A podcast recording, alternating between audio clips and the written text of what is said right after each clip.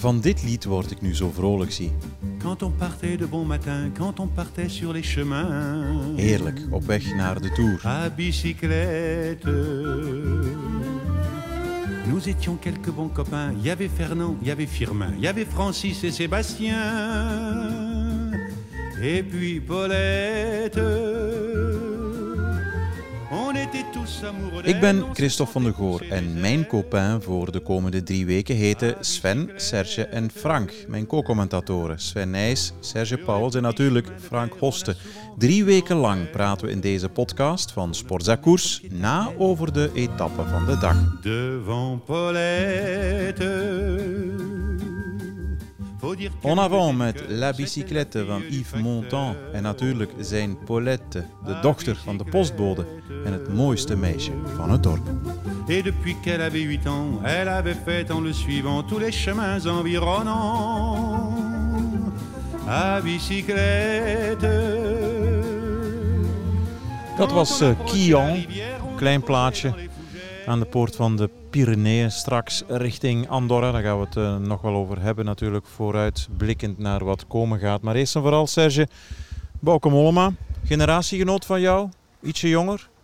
Ja, inderdaad. eh, een jaar of twee, drie jonger dan ik. Eh, dus eigenlijk intussen ook al wel een van de ouderdomsdekens van het peloton. Hè, want hij is nu 35. Maar eigenlijk eh, zit er bij Bouke nog heel weinig verval op zijn eh, carrière. Want het nummer dat hij vandaag uit zijn mouw heeft geschud, ja, dat was toch wel heel knap.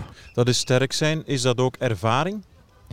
Ja, en ook zelfkennis, hè. ervaring, zelfkennis. Weten dat hij een diesel is, dat hij heel goed is in eh, langere inspanningen. En dat is ook de reden waarom hij heel vroeg voor de aanval heeft gekozen. Op 42 kilometer van de meet. Goed wetende dat hij dan nog die laatste beklimming over moest. Maar dat heeft hij met voorsprong kunnen doen. Dus eh, ja, heel sterk, eh, maar ook slim natuurlijk.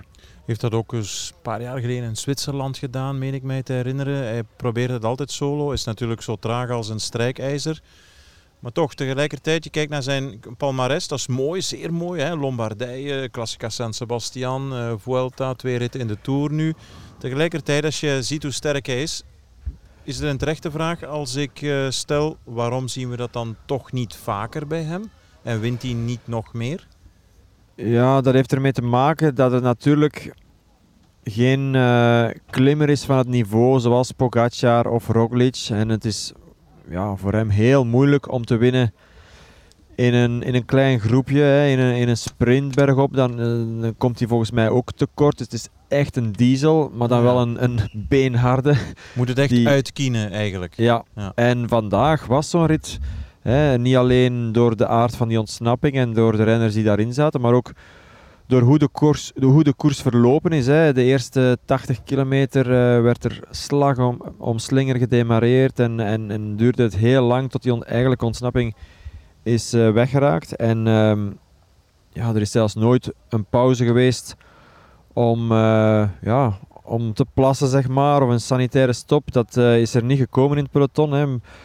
Die ontsnapping pas na 80 kilometer ontstaan. En dan eh, ja, weet je dat het echt een slijtageslag gaat worden op het einde. En dan is Mollema op zijn sterkst.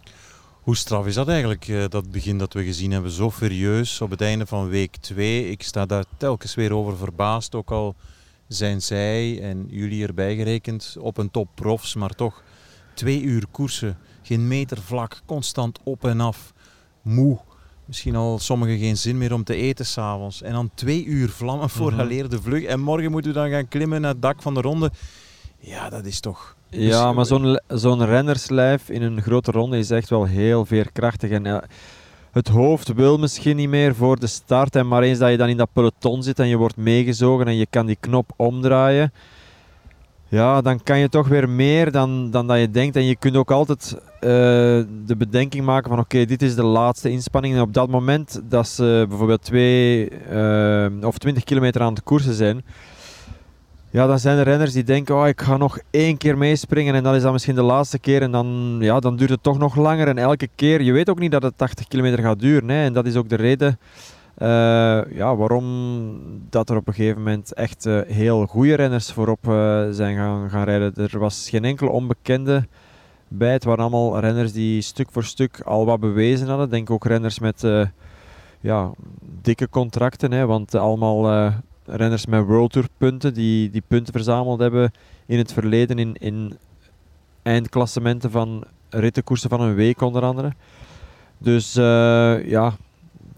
Heel veel klassieke types probeerden het in het begin. De Gent, Van Aert, Van Avermaat, noem maar op. En uiteindelijk zijn het de ronde renners types die wegrijden.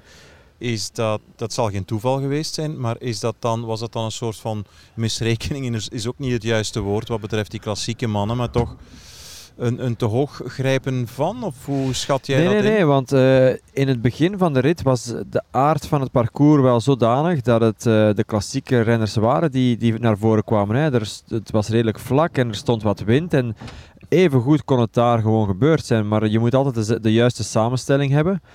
Uh, iedereen moet zich bij wijze van spreken bij die ontsnapping kunnen neerleggen. Hè. Ploegen...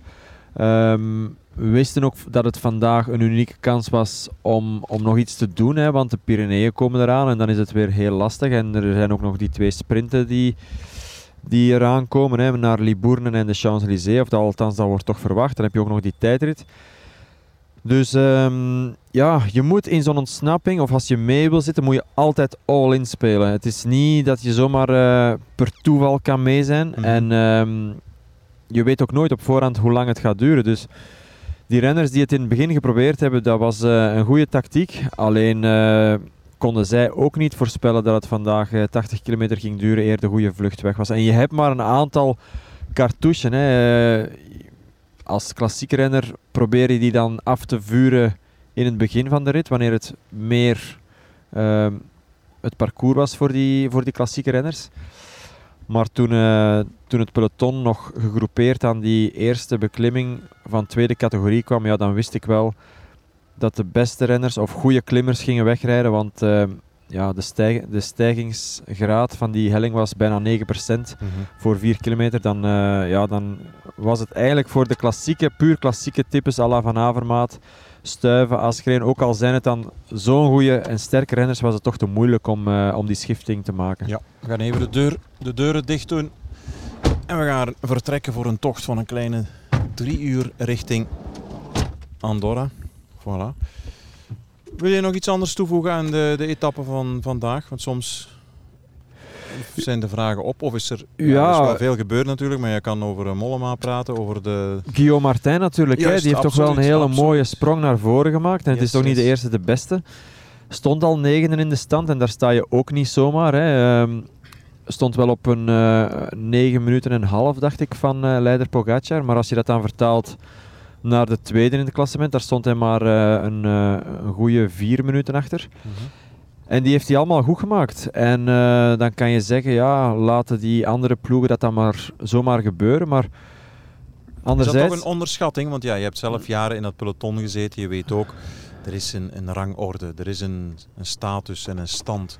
Zullen de toppers, de carapassen en ja, de andere jongens van dat niveau vooraan in het klassement geredeneerd hebben van ach, het is maar Guillaume Martin. Hij mag meegeleiden. Gaan ze daar achteraf spijt van hebben? Deel 2 van mijn vraag. Wel, dat weet je natuurlijk nu niet. En meestal, het is bijna een ongeschreven wet, dat, uh, dat het pas in de derde week is dat er echt uh, die top 10 plaatsen verdedigd worden. En um, ja goed, de Pyreneeën komen er nog aan, maar toch, uh, ik zou toch Guillaume Martin niet onderschatten hoor. Het is echt wel een, een diesel die um, beter wordt naar het einde van zo'n grote ronde toe over het algemeen. Dus hij zal natuurlijk wel morgen de inspanningen van vandaag voelen. En uh, dat kan natuurlijk al een eerste moment zijn waarop hij een deel van zijn uh, teruggenomen voorsprong uh, zal kwijtspelen. Maar goed, ehm, hij heeft, heeft die voorsprong nu wel eh, verworven op, op de nummer 3 in het klassement. Ik denk dat het ongeveer 1 minuut is. Dus ehm, Daarbij komt dat we ook wel moeten zeggen dat het Martin wel siert dat hij voor de aanval heeft gekozen. Hè, want het was ook geen, geen toeval hè, dat hij wegreed. Hè. Zoals we net zeiden, die ontsnapping is ontstaan op die col van tweede categorie. Hè, de col de Montségur, als ik me niet vergis. En ja, het waren gewoon de beste renners die wegreden. Dus het was wel een bewuste keuze, denk ik, om, uh, om proberen mee te glippen. Kijken wij vooruit naar uh, morgen, de dag van morgen, Andorra. Mooi in het verleden etappezeges gezien van uh, Tom Dumoulin onder meer. Wonen ook heel wat renners, hè, want Andorra zegt men is het nieuwe Monaco aan het worden. Ook dicht bij de bergen, de Pyreneeën, waar de coureurs hun beroemde blokjes kunnen trainen. En ook belastingtechnisch heel interessant. Heb jij iets met Andorra? Eerlijk gezegd heel weinig, uh, Christophe. Ik uh, ben er een aantal keer geweest als de Tour er gepasseerd is natuurlijk. Ook eens een rustdag gehad. Ik denk dat dat in 2016 was. Ja, klopt. En uh, mij laat het redelijk koud, eerlijk gezegd. Ehm, ja, ik vind het... Ehm, Kunstmatig? Ja, inderdaad. En, en, redelijk ver weg van alles. Ehm, ja, ik, ik, ik, word er niet echt warm van, eerlijk gezegd. Ja, want Alaphilippe is daar ook gaan wonen. Uh, een aantal andere, Dan Martin woont daar al heel zijn leven. Uh, maar goed, de Port d'Envalira. We gaan naar 2400 meter. Helaas zeg ik dan, geen aankomst uh, op de top. Maar wel in, in het oude stadsgedeelte van Andorra stad zelf. Wat verwacht je? Dat het koers gaat worden. Hè. En uh, 2400 meter, dan is het toch altijd de vraag wie is er daar goed in. En dan zou je geneigd zijn om te zeggen de Colombianen en de Ecuadorianen. Hè. Carapaz, Uran. Dat zijn dan uh, de mannen die ja, niet uh, aan, de leiding staan in het klassement, maar die wel de uitdagers zijn van Pogacar. En wie weet, hè, we hebben het uh, deze week ook al gezegd. Ehm, de enige tactiek die Ineos en de andere ploegen nog kunnen gebruiken om Pogacar uit zijn lood te slaan, is, is wellicht om, om van ver de koers hard te maken. Dat hebben ze gedaan ook uh, op weg naar Malocijn. Bij de eerste beklimming van de Mont Ventoux hebben ze toch al een stevig tempo gereden en proberen Pogacar te isoleren, wat uiteindelijk ook gelukt is. Alleen was het redelijk laat dat hij helemaal alleen zat en, uh, en zijn laatste compaan Maika verloor. Maar ik denk en het is ook de dag voor de rustdag, dat ze niets te verliezen hebben met uh, een gelijkaardige tactiek te proberen. En wie weet, ik denk in tegenstelling tot de rit naar Malocijn, waar ze misschien speculeerden op een minder presteren van Pogacar in de hitte, hopen ze misschien nu hem uh, op de knieën te krijgen, omdat hij minder op hoogte zou kunnen presteren in vergelijking met Uran of, uh, of Carapaz. Ja. Dus wel ideaal dat het voor de rustdag is. Mentaal scheelt dat ook een slok op een borrel. Dat je zegt van oké, morgen op bed liggen.